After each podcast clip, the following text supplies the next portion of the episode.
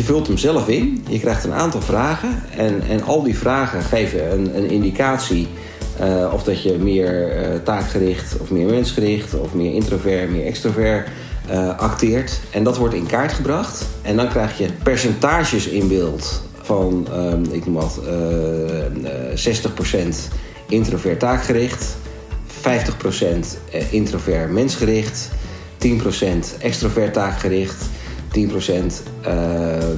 extrovert mensgericht. En dan heb je dus een, volledig plaatje met, met grafiekjes en dat bepaalt op een gegeven moment waar op de kaart van die wereld van verschil, uh, waar jij jouw woongebiedje hebt.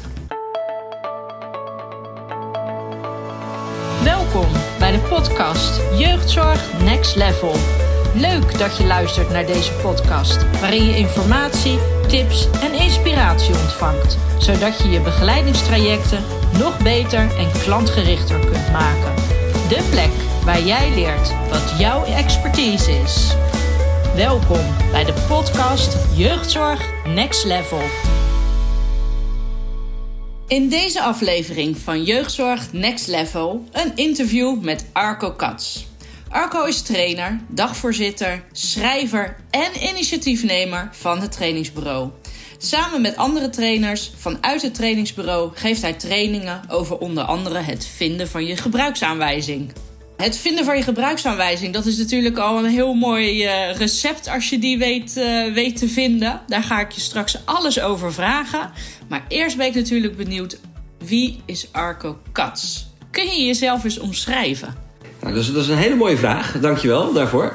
Uh, en in mijn studententijd heb ik ooit een gedichtje geschreven. Soms vraagt men wie ik ben, ik zou het echt niet weten, het is me nooit verteld. Uh, oftewel, wie ben ik dan? Dat is een zoektocht. En ik ben Arco Kats, uh, eh, 50 jaar inmiddels. Oeh, klinkt dat oud. oorspronkelijk technisch bedrijfskundig geschoold. En al sinds 2000 actief als trainer, management trainer, communicatietrainer. en daarin ben ik denk ik over het algemeen heel erg zelfstartend, mezelf ontwikkelend. Uh, daar begint het altijd mee. Ik wil iets en dan ga ik het doen. Uh, ik heb het nog nooit gedaan, dus ik denk dat ik het wel kan. Mm -hmm. En ben behoorlijk vaak stevig onderuit gegaan. En heb daarvan geleerd. Uh, en eigenlijk altijd gefascineerd geweest door waarom doen mensen nou wat ze doen? En wat betekent wat ik doe, uh, wat anderen doen. En hoe geef ik er betekenis aan? En het, het geven van betekenis aan, uh, aan dat soort dingen. Ja, dat zorgt bij mij er altijd voor dat ik altijd aan wil blijven leren, wil blijven ontwikkelen. Maar ik moet het wel zelf ervaren en gevoeld hebben. Ja. Nou, daarnaast uh, ben ik vader van een dochter van 14. Die voor mij ook een hele mooie spiegel is. die heel actief rugbiet. Uh, wat ik ook een fantastisch voorbeeld vind op het gebied van gedrag. En hoe kan je met, met dingen omgaan? Want in dat rugbyveld heb je af en toe best wel pijn. Uh, maar die pijn hoort bij het spelletje. Ja. En die pijn is ook helemaal niet erg als je besloten hebt dat die bij het spelletje hoort. En zodra mensen je zielig gaan vinden als je die pijn hebt, dan wordt die pijn ineens wel erg. Ja, ja, ja, uh, interessant. En, en de manier waarop daarmee omgegaan wordt en, en wat dat zorgt voor incasseringsvermogen. Uh, en daarmee reflecteringsvermogen en uh, potentieel tot groei om, om te bouwen. Dat vind ik een hele mooie. Dus ik heb daar een, een hele mooie spiegel aan, die me ook weer even mee teruggenomen heeft toen ze een jaar of drie was. Zei ze op een gegeven moment in Utrecht, in de stad: Pap, dat paardje is niet echt, hè? En ik om me heen kijken: paardje, paardje, waar zie ik een paardje? Mm-hmm. Uh, maar er stond op de gevel van Oudaan, daarboven, er staat een soort standbeeld van een paard. Ja, normaal kijk je niet naar de bovenkant van die gevel als je daar loopt. Je kijkt op etalageniveau, want dat ben je gewend. Ja. Nou, ja. Het, het opnieuw kijken, het opnieuw perspectief geven en dezelfde situatie, dezelfde plek met andere ogen bekijken, mm. dat is eigenlijk hetgene waar ik mijn werk van gemaakt heb. Geweldig. En dat doe ik op heel veel verschillende manieren. Precies. Dus ja. dat, eh, Want in je introductie zei ik het al. Hè? Je schrijver, trainer, dagvoorzitter. Ja. Dus je bent inderdaad op veel verschillende manieren bezig. Maar je drijfveer is eigenlijk altijd waarom doen mensen wat ze doen. Ja, waarom doen mensen wat ze doen? En kan ik mensen een ander perspectief geven, waardoor er meer mogelijkheden ontstaan? Ja. En het, het helpen met het geven van het andere perspectief, dat komt omdat ik zelf constant eigenlijk van perspectief aan het wisselen ben en eh, het veel interessanter vind vanuit welk perspectief ik er naar kijk, dan welke mening ik er echt over heb. Want Ja. kijk ik vanaf de ene kant naar iets, dan vind ik het fout. Maar kijk ik naar dezelfde situatie met andere ogen, dan kan ik het goed vinden. Ja. Ja. Zoals ik laatst een keer ergens las, het sprookje wordt anders als je het vertelt vanuit de ogen van de wolf. Ja. ja, prachtig. Ik vind ook altijd een mooie metafoor de letter M. En als je aan de andere kant staat, Ja. is het de letter W. Ja, Ook zo'n voorbeeld. Net een ander perspectief. En de grootste misverstanden ontstaan omdat mensen zich niet bewust zijn van het gegeven dat ze een ander perspectief hebben. En dat hele simpele kleine dingetje, ja, daar, ben ik, daar ben ik al mijn leven lang mee bezig. Ja, interessant, interessant.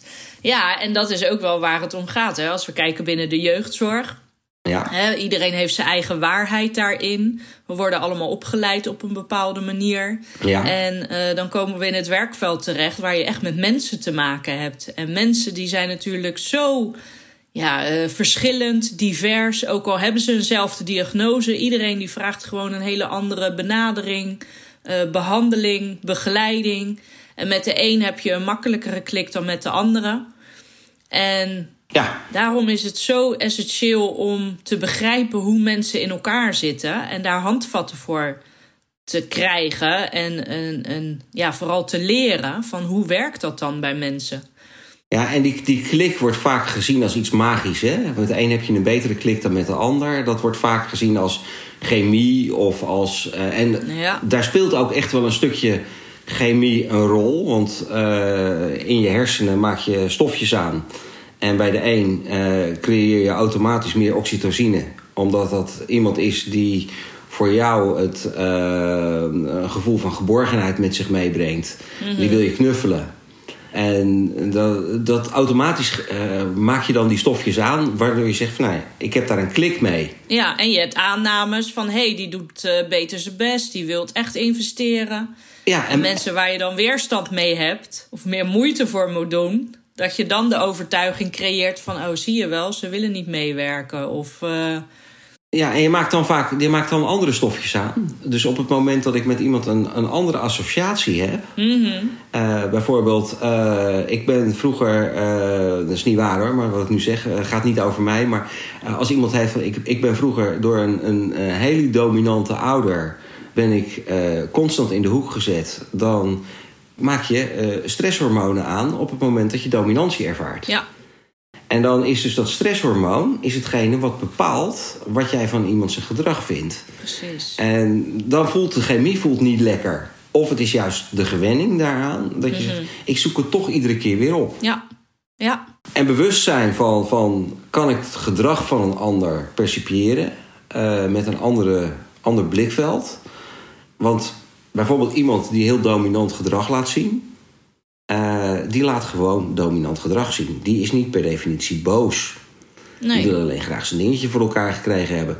Maar als iemand die heel erg voor de harmonie gaat, zich zo gaat gedragen, is die wel heel boos. Nou, als je zelf voor die harmonie gaat, dan voel jij boosheid bij het gedrag wat een ander vertoont waar die geen boosheid bij heeft. Precies. Nou, die bewustwording zorgt ervoor dat je er makkelijker mee om kan gaan.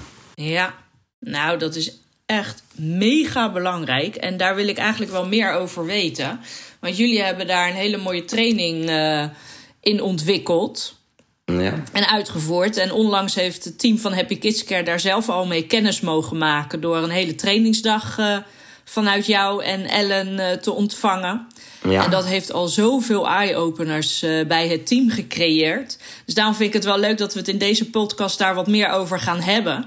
Want ja, wat is het precies? We hebben mapstijl eh, training gekregen. En dat gaat over verschillende gedragsstijlen. Ja. En kun jij de herkomst daarvan eens vertellen? Ja, Uh, Mapstel is uh, een, een, een, hele, vind ik een hele fijne uh, visuele manier van het in kaart brengen van de DISC-methodiek. Mm En DISC staat voor daadkracht, invloedrijk, conscientieus en stabiel. En dat zijn vier basis gedragsstereotype stijlen waar iedereen toegang toe heeft. Alleen tot in bepaalde mate heb je daar je voorkeuren in. Precies. Nou, om, om hem even nog wat simpeler, een beetje, beetje platter te slaan, Mhm. uh, bestaat hij uit twee basisassen. De ene as is introversie uh, versus extroversie. Nou, iedereen heeft wel een beeld bij wat is introvert en wat is extravert. Mhm. Uh, extravert, snel wat zeggen, snel ergens wat van vinden. maar dat ook makkelijk weer herroepen.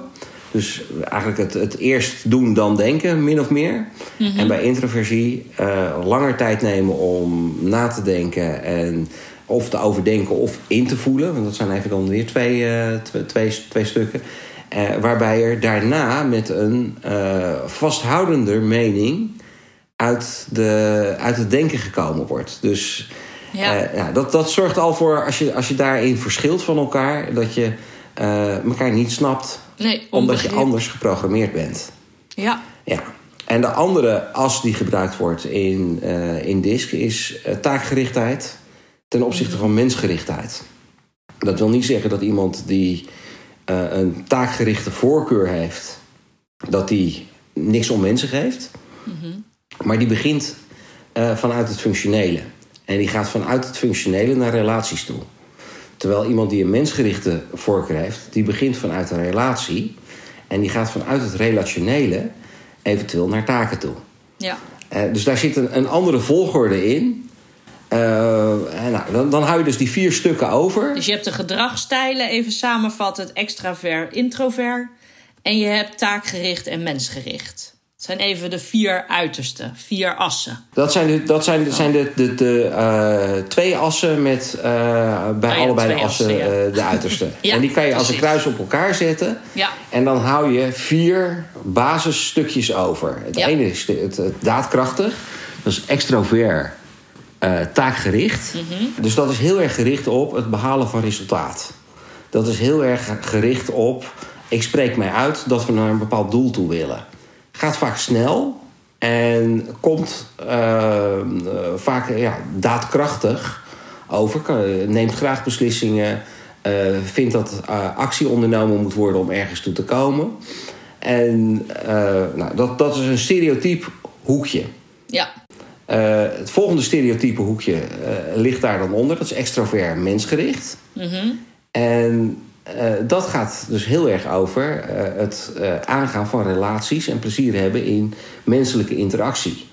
Eh, maar gaat ook over het vooruitkijken, gaat ook over het leggen van verbanden tussen mensen, tussen, maar ook tussen dingen. Heeft vaak een, een ja, wat, brengt vaak een hoop en- positieve energie mee. Ja. Maar kan ook hele negatieve energie meenemen op het moment dat de pet even verkeerd Dat het opstaat. niet eh, gaat zoals ze willen dat het gaat. Ja, maar dat, dat is invloedrijk. Dus dat is, dat is Ja. een groep die heeft heel- vaak heel veel invloed. En geeft vaak invloed op de sfeer.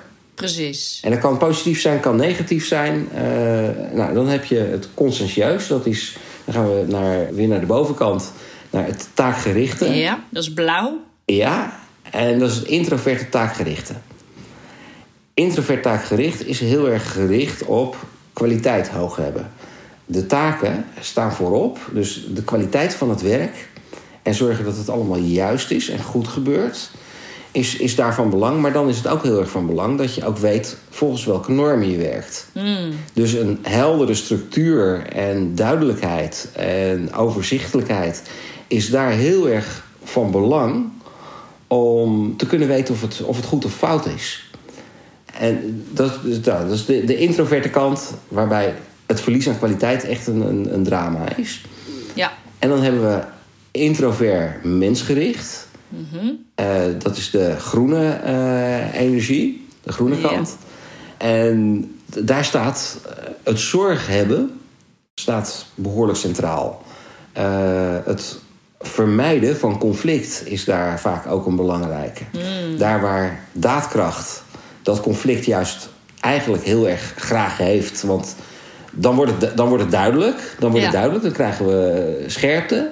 Eh, zegt Groen, eh, ja, maar ik wil eigenlijk die sfeer lekker houden. Ik wil dat iedereen zich veilig voelt. Ja, En daar is veiligheid en zorg zijn daar belangrijke begrippen. En daarbij is eh, aan de introverte kant ook wat meer de persoon zelf ondergeschikt aan de groep. Terwijl eh, bijvoorbeeld aan de extroverte kant, eh, mensgericht, is de groep ondergeschikt aan de persoon zelf. Dus die is wat, eh, wat, wat meer op zichzelf gericht. Die precies. vindt het leuk dat het gezellig is, omdat hij het zelf graag gezellig heeft. Ja, En iemand ja, met een hoge groene voorkeur zou zichzelf weg kunnen cijferen, Ja, omdat dat voor het belang van de groep is. En daar wordt wel eens in vergist, want dat Mm. belang van de groep wordt vaak volgens eigen normen als belang van de groep benoemd. ja. Super interessant dit, hè? En wie is de grondlegger? Wiens gedachtegang zit hierachter? Nou, hier zit hier, eh, onder, onder disk zit de gedachtegang van Marston. En Marston, dat eh, is een, een Amerikaan die een heel controversieel leven geleid heeft. En die heeft op een gegeven moment een, eh, het was een psycholoog die eh, onderzoek gedaan heeft naar behavior of normal people. Dus hij was heel erg geïnteresseerd in eh, waarom doen normale mensen, zulke, waarom gedragen ze zich zo en hoe kan je daar invloed op uitoefenen? Heel erg vanuit Ja. de pragmatische kant, niet, niet zo heel erg vanuit het analytische, maar heel erg aan hoe kan ik er meer grip op krijgen, eh, kan ik mensen beter gaan snappen en eh, eh, hoe, ja, eh, kan ik ervoor zorgen dat, ik- dat ik zelf meer voor elkaar kan krijgen. Of dat anderen meer voor elkaar kunnen krijgen. Doordat we mensen beter snappen. Precies. En de meeste psychologen zijn vooral bezig geweest met het onderzoeken van abnormaal gedrag. Hmm, zoals Carl Jung. Eh, die, eh, ja, Carl Jung is, is een tijdgenoot van, eh, van Marston. Ja. En Carl Jung heeft onder andere, daar is Insights en MBTI is daarop gebaseerd. En die is wat scherper gericht op het, het verklaren van de mens. In plaats van het, wat kan ik er nou precies mee? En daar is dat, wat kan ik er nou precies mee, is, is daarna daar meer aan toegevoegd. Ja, ja, ja. Want Carl Jung zullen de luisteraars eh, vast kennen. Die is wel wat populairder. Eh, ik, ik denk ook dat Carl Jung zijn analyse, eh, wat eh, diagnostisch gezien, wat scherper en wat dieper gaat. Alleen voor normaal gebruik heb je die scherpte en die diepgang helemaal niet nodig. Nee, precies. Precies. En dan gaat het veel meer om, het, om de dialoog. En dat vind ik het mooie met Mapstel. Want daar is de theorie van DISC gekoppeld aan een wereldkaart waarop de werelden, eh, dus de, het gele gedrag, het eh, rode gedrag, wordt, wordt verdeeld in eh, werelddelen, stukjes van de wereld. Eh, en in die wereld heb je de steden en die staan voor bepaalde eigenschappen die horen bij die gedragsstijl. En dan kan je zeggen, ik woon, ik woon in dat stukje van de wereld. Daar voel ik me thuis. Dat is mijn comfortzone. Maar ik kan reizen. En ik kan reizen naar andere gebieden. En dan wordt het adaptief maken van, van ander gedrag. Dus je aanpassen aan, aan ander gedrag wordt makkelijker. Omdat het ja, eigenlijk hetzelfde als dat, als je op vakantie gaat. Ik vind het heel leuk om naar eh, hele bizarre landen op vakantie te gaan. Maar ik ben dan altijd weer heel blij dat ik weer thuis mag komen. Dat ik er niet hoef te wonen. Maar Precies. omdat ik er geweest ben, snap ik het beter. En heb ik ook veel meer begrip voor, voor ander gedrag. En vind ik het niet meer gek. Hoe het daar is. Ja, Nou, wat ik een hele mooie metafoor vond eh, tijdens de training... is eh, zetten ze een IKEA-kastje in elkaar. En dat je dat Ja. dus aan de hand van de verschillende stijlen kunt doen. Hè? Dus, eh, Ja. nou, misschien wil jij daar wat meer over vertellen... van wat dan heel beeldend het verschil is tussen de verschillende gedragsstijlen. Terwijl je toch allemaal hetzelfde kastje in elkaar zet.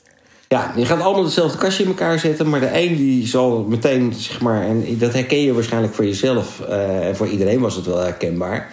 De een zegt, nou, ik pak zo'n kastje beet. Ik ruk dat papier eraf. of die doos. En ik begin meteen met het eerste beste plankje wat ik heb en het eerste beste schroefje. En dat ga ik aan elkaar zitten. en op een gegeven moment word ik zo boos dat ik dat geheel weer in elkaar sla. En dan krijgt Ikea de schuld dat het niet klopt. Uh, dat kan een, een, een, manier zijn. En de ander zegt van nou, ik pak het uit. Ik weet, Ikea heeft er goed over nagedacht. En die hebben netjes uh, gezorgd dat alles klopt. Dus ik ga alles eerst even netjes op volgorde leggen. Dan pak ik het boekje erbij en dan ga ik exact het boekje volgen. Uh, en weer iemand anders zegt: waarom zou ik nou zelf dat kastje in elkaar zetten? Ik kan ook gewoon iemand bellen die dat voor me doet. Briljant. En een ander gaat daarmee aan de slag en is lekker bezig met klussen. En interesseert zich eigenlijk niet zo heel erg hard of dat het kastje nou echt goed wordt of niet. Maar vindt het gewoon gezellig en leuk om ermee aan de slag te zijn.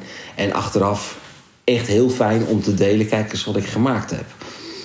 Uh, en dan wordt het de wereld ingebracht alsof dat het uh, zeg maar echt een eigen ontwerp is, wat uh, als volledig handwerk neergezet. Nou, en ja, als je bewust bent welke gedragsstijl, nou zeg maar welke manier van, van werken, mm -hmm. het conscientieus uh, oftewel het blauwe gedrag, het introvert, taakgerichte gedrag, die zullen over het algemeen heel netjes de handleiding volgen. Ja, ik ben benieuwd naar de luisteraars of zij dit gaan herkennen.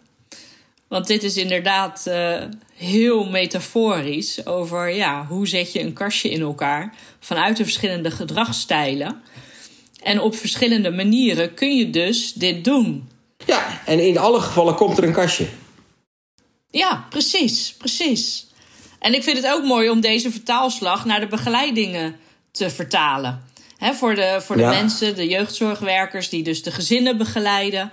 Ja, er zijn zoveel verschillende manieren hoe je dat kan doen. Ja. En door inzicht te krijgen in deze gedragsstijlen kun je je veel beter gaan aanpassen aan de gedragsstijl van je klant.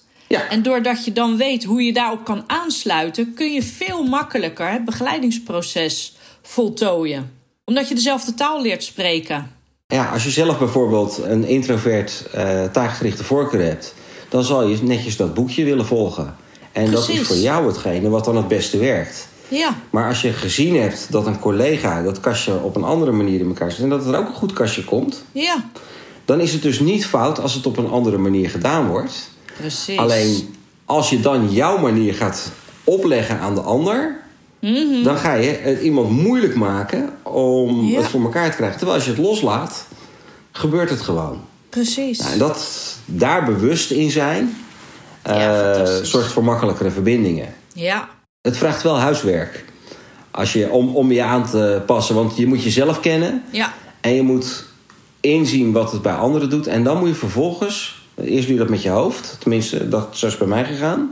Mm Eerst doe je dat met je hoofd. En dan vervolgens moet je er een soort automatisme van maken. Net als met het leren fietsen, wat je ooit gedaan hebt. Precies. In het begin voelt het onwennig. Als ik mij uh, heel taakgericht introvert ga gedragen... dat is voor mij echt ver buiten mijn comfortzone. Mm maar kan het inmiddels wel. Precies, je hebt het jezelf aangeleerd. En dat is aangeleerd gedrag. Ja, ja, ja. ja, ja. dat geldt voor mij ook. Want ik heb deze test. Uh, hè, want als we dan even teruggaan, want je hebt ook een test die je afneemt. Ja. Hè, stel, we gaan aan de slag, uh, ze gaan aan de slag met een training uh, bij jou. Dan krijgen ze hierover eerst een test, een vragenlijst. Ja, mag, mag ik hem heel een klein beetje nuanceren? Het is geen test. Oh, oké. Okay, een test, Daar komt een, daar, nee, een, een, test, daar komt namelijk een, een, goed of een fout uit. Daar komt een cijfer uit. Ah, oké. het is een vragenlijst ja. die uh, jou teruggeeft aan het einde wat jouw persoonlijke beeld van jezelf is op, op de gedragsstijlen.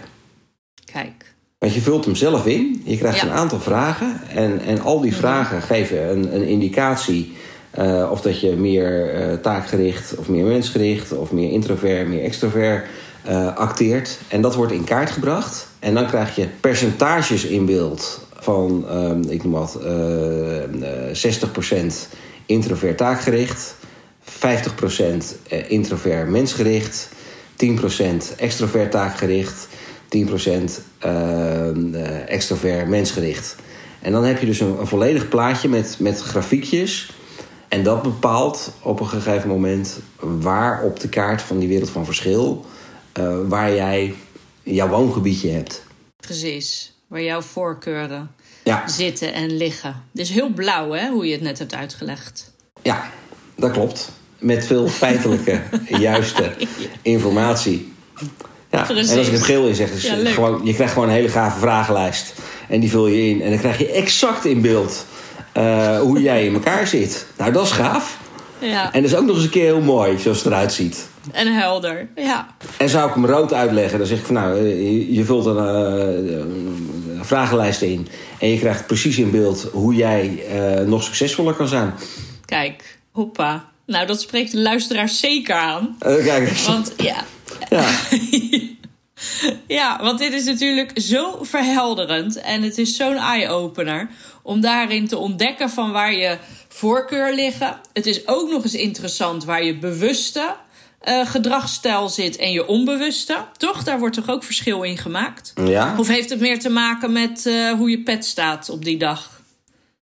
Uh, nou, hoe je pet staat doet ook iets. Want je kan je voorstellen dat daadkrachtig gedrag bijvoorbeeld... dat dat als die pet lekker staat dan is het heel fijn, want dan worden er snel beslissingen genomen. Dan ben je duidelijk met resultaat bezig. En dan worden er heldere keuzes gemaakt, maar dan wordt er ook nog steeds geluisterd naar de ander. Mhm. Maar als die pet even verkeerd staat en het is een regenachtige dag, om het dan zo te zeggen. Ja, dan kan er wel eens gedramd worden en dan moet de mening doorgedouwd worden en dan wordt er minder geluisterd. Uh, nou, hetzelfde is met extrovert uh, mensgericht gedrag. Uh, lekkere positieve energie die vol aandacht meegaat, nou, dat zweept op. Maar oh jee, als die pet verkeerd staat, want dan breekt de, dan ontstaat de drama queen. Van ja, maar aan mij ligt het niet. Ik kan er echt niks aan doen. En weet je wel wat mij allemaal is overkomen? Nou, die energie, die is in een, uh, in een teamomgeving helemaal niet fijn. Als je die hebt. Nee. Nee. Ja, en ieder mens heeft, heeft zijn goede dagen en zijn minder goede dagen. Nou, en aan de minder goede dagen herken je over het algemeen de gedragsstijlen het beste. Uh, ja. En dan heb je het, het bewuste. Ik ben nu met jou in gesprek hier in deze podcast. Mhm. Ik heb bij dit gesprek met deze podcast heb ik een bepaalde doelstelling. Uh, ik heb hier mijn eigen gedrag waar ik uh, pak een beetje zo'n 80% uh, onbewust van toepas. Dus heel veel dingen die ik zeg, daar denk ik niet echt over na. Maar dat komt er gewoon uit. Maar er zit ergens een sausje overheen van bewust gedrag. Ja. Nou, en dat stukje saus van bewust gedrag, uh, dat is een hele goede, dat is een hele fijne, want anders zouden we of constant in de vecht, vlucht of uh, freeze-modus uh, stappen. Mm-hmm. Ook een van de dingen die in de psychologie nogal een keer aan bod komt. En dan kom je ook niet verder. Nee. Want we, als mens kunnen we denken en daarmee kunnen we onze gedragingen kunnen we beheersen. En dat heeft een heel groot voordeel. Het heeft ook een nadeel, want als je heel erg met beheerst gedrag bezig bent, kost heel veel energie. Precies. En dat is heel hard werken. Mm -hmm. En als je het goed genoeg traint, hoef je minder hard te werken, want dan ga je het gedrag wat je bewust geleerd hebt, ga je onbewust toepassen. Ja, en dit is ook een hele belangrijke eigenlijk, wat je nu aanhaalt. Omdat het zeker heel veel gebeurt hè, binnen de jeugdzorg. Ja, dan werk je met mensen. Ja. En uh, ja, ik zeg altijd: uh, werken met mensen is ook werken met jezelf als instrument. Absoluut. En het kan zijn dat je echt opgebrand raakt en dan niet goed weet waar dat vandaan komt. En vaak wordt er aangegeven: het is de hoge werkdruk, uh, de administratie, dat soort dingen. Ja. En het zou natuurlijk ook zomaar kunnen dat je gewoon te lang in een andere rol zit of in een andere gedragsstijl zit, ja. die jou niet versterkt. En als je dat gaat herkennen. Ja, ik kan daar, ik kan daar een... een voorbeeld van geven. Ja, ja als, als, in mijn begin van mijn carrière heb ik dat gehad. Ik heb een, een eerste. Ik, ik zit zelf wat meer in de extroverte, mensgerichte eh, kant. Uh, daar zit mijn, uh, mijn kracht. Mm -hmm. Dat betekent dat ik over het algemeen me makkelijk ergens inlul. Ja. Om het even plat te zeggen. Uh, en dat als iemand zegt: Ik heb hier deze functie, dan weet ik dat zo te vertalen. kan het perspectief verleggen. Dat kon ik al heel jong. Uh, en dan geloven ze allemaal dat ik het kan. Ja. Uh, en dan geloof ik het zelf ook, dat ik het kan. Dat, en dat is dan ook wel zo, dan kan ik het ook wel. Maar ik kan ook, omdat ik me niet bewust was van wat, wat ik, waar, waar ik dan. eh, maar ik was voor een baan bezig om die te krijgen.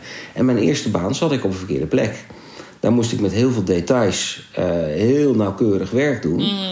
Eh, en dat is ver buiten mijn eh, comfortzone. Ja. En want dat is een taakgericht introvert gedrag.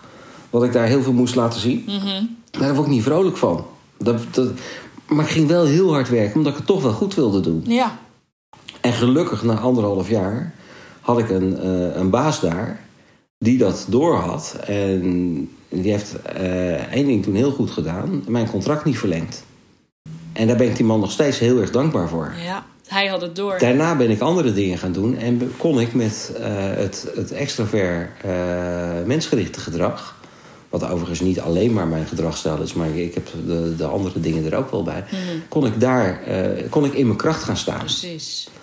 En wat heel vaak gebeurt, is dat mensen eh, richting een burn-out gaan omdat ze zich niet bewust zijn dat ze heel hard aan het proberen, eh, proberen om iemand anders te zijn dan dat ze werkelijk zijn. Hmm. Ja. En dan is het ontdekken wie ben ik zelf en wat is mijn eigen gedragsvoorkeur. Dan kan je namelijk kiezen. Ja. Dan kan je kiezen om ander gedrag te laten zien, maar je kan ook zeggen: ik ga het nu niet laten zien. Nee. En die keuzevrijheid, dat, dat is een van de dingen waar je door deze training jezelf heel erg bewust van kan worden. Ja. Ja. En wat gewoon een hele grote eye-opener is. Ja. En eh, handvatten biedt, maar ook voor de toekomst. Want vaak hoor je mensen met een burn-out. Inderdaad, dat zijn veel gehoorde symptomen binnen de jeugdzorg. Dat mensen met een burn-out eh, uit de running raken. Wordt er aangegeven, nou rust maar uit en eh, kom maar weer terug als je weer energie op peil hebt. Ja. En dan zijn ze bang dat het weer gaat gebeuren. En als je niks verandert in de manier waarop je ja, je werk hebt ingericht, je leven hebt ingericht, ja, dan kan de kans natuurlijk weer groot zijn dat het terugkomt. Ja. Totdat je voor jezelf kan achterhalen van waar heeft dat mee te maken. En dan is dit ook een heel mooi middel wat inzichten geeft in hoe jij, ja, wat jouw voorkeur is en waar jij dus wel je energie uit kan halen. Ja, en wat, wat dan daar, daarin ook een belangrijke is, in mijn ogen, eh, is, is dat mensen zich bewust zijn van waar heb je wel invloed op en waar heb je geen invloed op. Ja, Want eh, wat ik heel veel zie in mensen die in rollen zitten als jeugdzorg, dan, dan is eh, introvert, mensgericht gedrag vaak iets wat een, eh, een belangrijke rol speelt. Je wil graag met zorg dat het goed gaat met de ander. ja, En de ander maakt iedere keer keuzes die niet goed zijn voor de ander. En je hebt maar geen invloed erop. Want de ander doet dat. En je, voelt, je kan jezelf dan schuldig gaan voelen. En vinden dat je zelf je werk niet goed doet. Terwijl het, eh, wat jij doet wel goed is. Maar Ja. dat je gewoon bij de ander niet binnenkomt. nee, Nou, en, en daar zit het, het, het verschil in tussen eh, bewust professioneel met je gedrag bezig zijn. Want dan ga je op een gegeven moment naartoe en zeg van... hé, hey, ik heb hier met deze klant te maken en met deze familie. Daar wil ik een bepaald resultaat voor elkaar krijgen. En de voorkeurstijl van die familie... of van eh, degene die daar in de familie de touwtjes in handen heeft... om het maar even zo te zeggen... de voorkeurstijl daarvan zit in die hoek... Als ik effect wil hebben, maximaliseer ik mijn effect als ik het vanuit die hoek aanvlieg. precies. En dan gaat het dus niet om, eh, ga je daadwerkelijk dat resultaat halen, maar doe jij je werk zo goed mogelijk eh, dat je bewust de juiste interventies pleegt. En of dat ze effect hebben, ja of nee, ja, dat is aan de ontvanger. Precies. Ja. En dat, dat is, als je dat, die schakeling niet kan maken en dat niet kan loslaten, ja, g- grote kans dat je dan bij veel zware problematiek leegloopt. Ja. Want je wil zo graag helpen. Ja. En het lukt niet, het kan niet. Precies. En dan kan het wel een heel mooi middel zijn om de gedragsstijlen te kennen en te herkennen. Dat helpt. Waardoor je dus die aansluiting kunt gaan vinden. Ja. Maar ook weet hoe je voor jezelf er weer uit kan stappen. Hè, uit die rol die je hebt ingezet, bewust. Om weer in je eigen energie te komen. Ja. En dat zijn stappen, eh, want om daartoe te komen, die gedragsstijlen helpen je daarbij, hè, als je daar meer inzicht in hebt.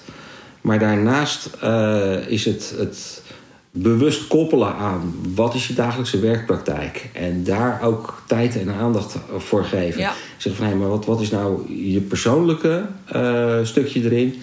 En wat is je gedragsstuk wat je functie Precies. vraagt? Ja, ja. En dat is leren. Ja, absoluut. En dit is gewoon heel mooi als je Ja. dit gaat leren, dit gaat herkennen. Want eh, ja, wat denk jij dat er gaat veranderen binnen de jeugdzorg als organisaties met dit model leren werken? Nou, wat ik, ehm, eh, wat, wat, wat ik, wat ik bij jou ook al, al, eh, al gezien heb, is dat daar, daar zit al een. eh, in jouw team zag ik al een, een heel mooi stuk po- positieve benadering van het, van het geheel en, en eh, onderzoekende mentaliteit. naar wie ben ik dan zelf en hoe sta ik erin? Waardoor je meer openheid krijgt. Waarbij je sneller problemen die ervaren worden bespreekbaar kan, kan krijgen. Waarbij mensen meer senang zijn met eh, hoe ze er zelf in staan. Omdat ze bewuster kunnen acteren. Eh, maar dan heb je ook veiligheid nodig. Eh, dus het is niet alleen maar dat de verandering plaatsvindt door met dit model te gaan werken. Dit model helpt als je hem bewust inzet. Precies. Als je als managementteam ook zegt: wij kiezen er bewust voor om hier mee te gaan werken. Maar dan is het niet meer, niet alleen ik stop het model erin en dan werkt het. Want dan werkt het namelijk nee, niet. het is kracht van herhaling. Het werkt alleen op het moment dat je zegt: ik kies hiervoor om die meerdere perspectieven bewust in te zetten. En ik besteed daar tijd aan om te zorgen dat mensen eh, zich daar ook in kunnen ontwikkelen. Want eh, nu snap ik het. eh, jouw team heb ik net- op de mat gehad. Eh, zijn we mee bezig geweest. Er kwamen heel veel inzichten naar boven. Maar het zijn, nu de, het zijn nu de inzichten. Het zit nu in het hoofd. En dat moet nog naar het lijf zakken. Ja, precies. En, en dat naar het lijf zakken, daar eh, heb, heb jij een rol in. Eh, daar heeft het, eh, de, de leidinggever, maar het, het hele team heeft er een rol in. Ja. Maar dat kan alleen als die veiligheid gegarandeerd wordt, dat het ook mag. Precies. Dat je ermee aan de slag kan zijn en dat je de dialoog krijgt over waarom. Eh, eh, je constateert bijvoorbeeld dat een bepaalde actie niet werkt. Waarom werkt die niet? En dan niet wie heeft het fout gedaan, maar juist, hé, hey, dat ging fout, wat leuk. En waarom werkt het nou niet? Want daar kunnen we wat van leren. En dan ga je die gedragsstijlen erbij pakken en dan ga je experimenteren. Precies. En dan ben ik ervan overtuigd dat er meer begrip naar voren komt. Mm, En dat er bewuster ingegrepen gaat worden. ja, Dus het meer begrip wil niet altijd zeggen dat je dan slappe knieën krijgt. Wat, wat veel mensen ook zeggen van eh, als je heel veel begrip hebt, grijp je niet meer in. Nee, juist heel veel begrip hebben en vandaar. heel streng zijn Ja, op ingrijpen. precies. Bij de een moet ik echt heel streng zijn. Moet ik zeggen, dit zijn de regels, daar moet je aan houden. En bij een ander moet ik eh, zeg maar juist die ruimte geven. Want dan gaat het gebeuren. En als ik dan heel Ja. streng word, gebeurt er niks meer. Nee, Dan gaat iemand vluchten in, eh, in verboden middelen, ik noem maar wat. precies. We vinden allemaal excuses. Ja. Dus eigenlijk geef je aan, het is een mooie teamtraining. En Ja. het is ook belangrijk dat het management hierin een vervolg gaat eh, zetten. Hè, als die teamtraining op een gegeven moment gegeven is. Want jullie eh, bieden hele mooie pakketten aan Ja. voor organisaties. Ja, En inderdaad, wat je zegt, een dag training, dat is leuk, dat geeft inzichten. En uiteindelijk gaat het erom dat het geïntegreerd gaat worden in iedereen's eh, systeem, in het bewuste en onbewuste van, eh, van de personen. Ja. En ook binnen de organisatie. En dan heeft het echt effect. ja. en dan, dan krijg je een, een oordeelsvrije taal eigenlijk om over gedrag te praten. En Ja. eh, dat zorgt voor veiligheid. Dat zorgt voor inzicht. Dat zorgt voor meer effectiviteit in de communicatie. Ja. Betere keuze op wie laat ik nou wat doen. Hè? Want als je met eh, drie collega's bij elkaar zit en er moet een presentatie gegeven worden, ik noem maar wat. En er zit er één bij met hoog extravert eh, mensgericht gedrag. Die vindt het leuk om een presentatie te geven Ja. over het algemeen. En als je dan iemand hebt met hoog introvert, eh, taakgericht of mensgericht gedrag, die, die vindt het misschien helemaal niet zo leuk om dat te doen. Die doet liever Nee. de persoonlijke gesprekken die achteraf plaats moeten vinden of het plannen ervan. wat degene die graag het podium pakt misschien weer liever niet doet. Nou, als je daar bewust van bent, kan je mensen inzetten zoveel mogelijk op hun, uh, op hun kracht. Ja. En dan hoeven mensen minder hard te werken en halen ze meer resultaat. Nou, dat is ook een leuk uh, nou, bijkomend voordeel. Fantastisch. Ja, precies. Als we dat nu eens binnen de jeugdzorg voor elkaar kunnen krijgen. Dat vind ik echt een mooi streven. Nou, volgens mij ben je aardig op weg met hetgene wat je aan het doen bent. Ja, nou ja, en met de juiste mensen eromheen gaat het ook lukken. Ja, ik geloof ook dat, dat de zorg uh, dat het een, uh, een actieve taak is. Ja. En uh, dat dat. Zorg is niet soft. zorg gaat er niet om dat je bezorgd bent om de mensen. Maar het gaat erom dat je de juiste acties neemt om te zorgen dat de mensen op een goede manier verder komen en stappen kunnen Precies, zetten. Dat ze weerbaar Die stappen worden. moeten ze wel zelf zetten. Ja, Ja. dus daar zit ook een stukje een schop onder de kont, hoort er ook bij. Is ook Ja. zorg. Absoluut. Het is niet alleen maar lief. Maar ook zelfverantwoordelijkheid. En heel veel mensen vinden dat juist fijn. Het idee hè, dat ze zelf Ja. kunnen kiezen en dat het hun eigen ideeën zijn. En dan kunnen ze het volhouden. Ja, En waar de jeugdzorg in sommige aspecten nog een beetje in het oude denken, noem ik dat altijd, zit. Dat is hè, de hulpverleners, die gaan hulp verlenen. En dat is eh, ja, Ja. iets waar we nu een, echt wel een ontwikkeling in doormaken. Dat we niet meer echt de hulpverleners zijn die zeggen wat de mensen hebben te doen om het tot een succes te laten komen. Maar dat ze naast de cliënt gaan staan om te kijken van nou, wat heb jij nodig om om te kunnen gaan met. Hè, Een diagnose kan je Ja. niet altijd wegnemen, maar je kan wel leren hoe je ermee omgaat.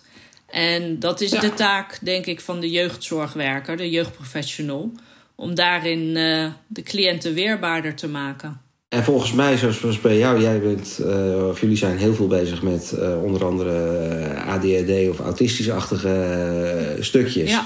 Ja, eh, als je autist bent, jammer, dan ben je autist. Punt. Ja. Dat is gewoon een gegeven, net als dat iemand rood haar heeft. Precies. Eh, Ja. dat, en daar moet, je, daar moet je mee om kunnen gaan. Ja. Nou, en dat, daar heb je geen automatische handleiding voor. Nee. En daar kan je als, als hulpverlener kan je daarbij helpen om te zorgen dat je daar de juiste weg in weet te vinden. Precies. En dan moet je niet tegen het autisme gaan vechten. Nee, dat is wel heel mooi wat je aangeeft. Ja, het is wat het is. En vind de juiste omgeving voor jezelf. Ja, En vechten heeft geen zin.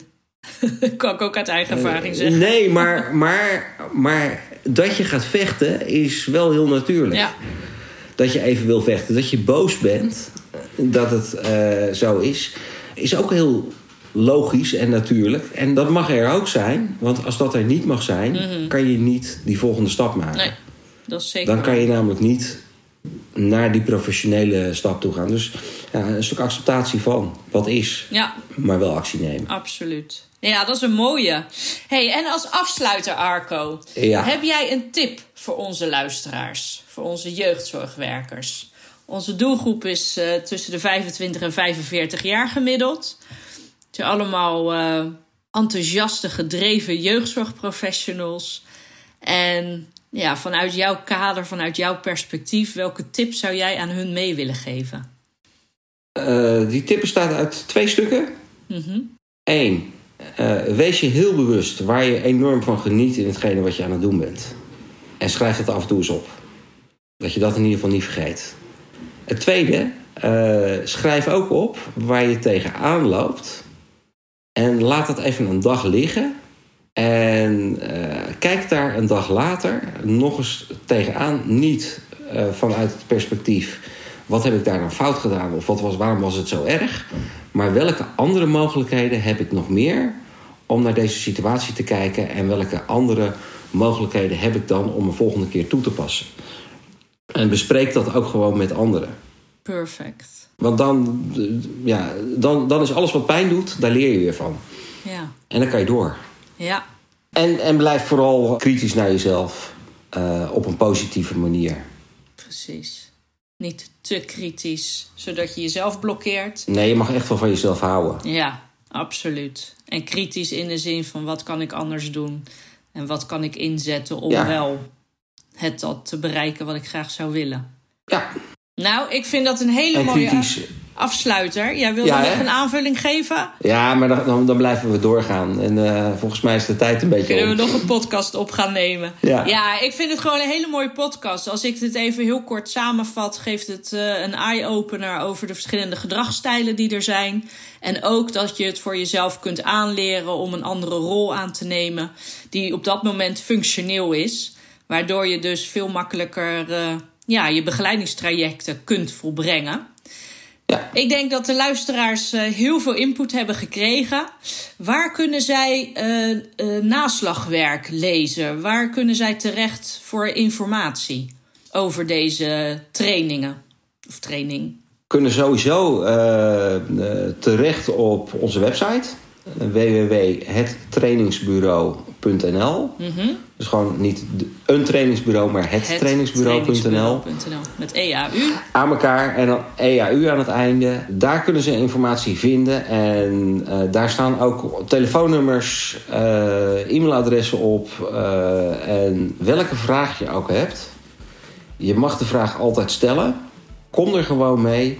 Je krijgt er ook gewoon een antwoord op. De, en het is niet zo dat bij elk eerste antwoord... dat er meteen een tellertje gaat, eh, gaat lopen. Natuurlijk zijn we wel een commerciële organisatie. Maar we zitten er ook echt wel zo in... eh, dat als jij vragen hebt eh, en je bent vanuit die rol... dat we je heel erg graag helpen. Want we geloven daarin dat dat, eh, dat, dat de wereld mooier maakt. Nou, fantastisch. Dus mooi. Voor onze luisteraars is dit een mooie manier om te kijken wat er nog meer te bieden is vanuit het trainingsbureau. Ja, oh, en dan, dan nog een dingetje. Wij Ja. hebben ook met enige regelmaat...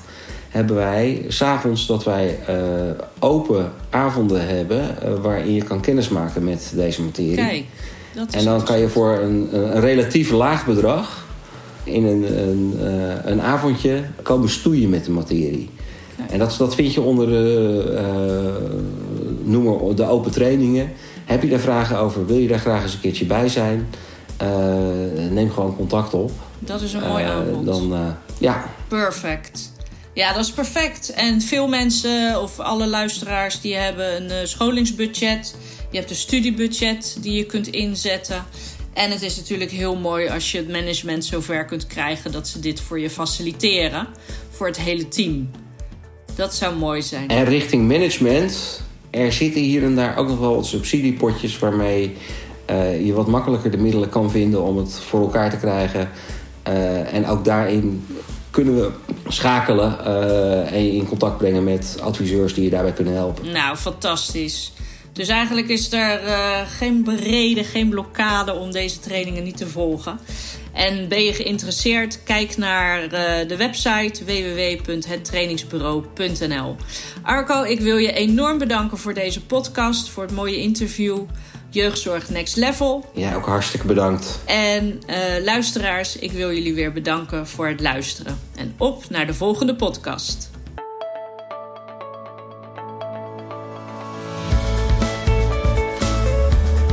Superleuk dat je weer luisterde naar de podcast Jeugdzorg Next Level. Ben jij al geabonneerd op deze podcast? Doe dat dan snel, zodat je als eerste op de hoogte bent als we weer een nieuwe podcast online zetten. Tot slot vinden we het leuk als je ons een berichtje stuurt of een vraag, zodat we je nog beter kunnen helpen. Stuur een pb'tje via de socials of mail naar Judith.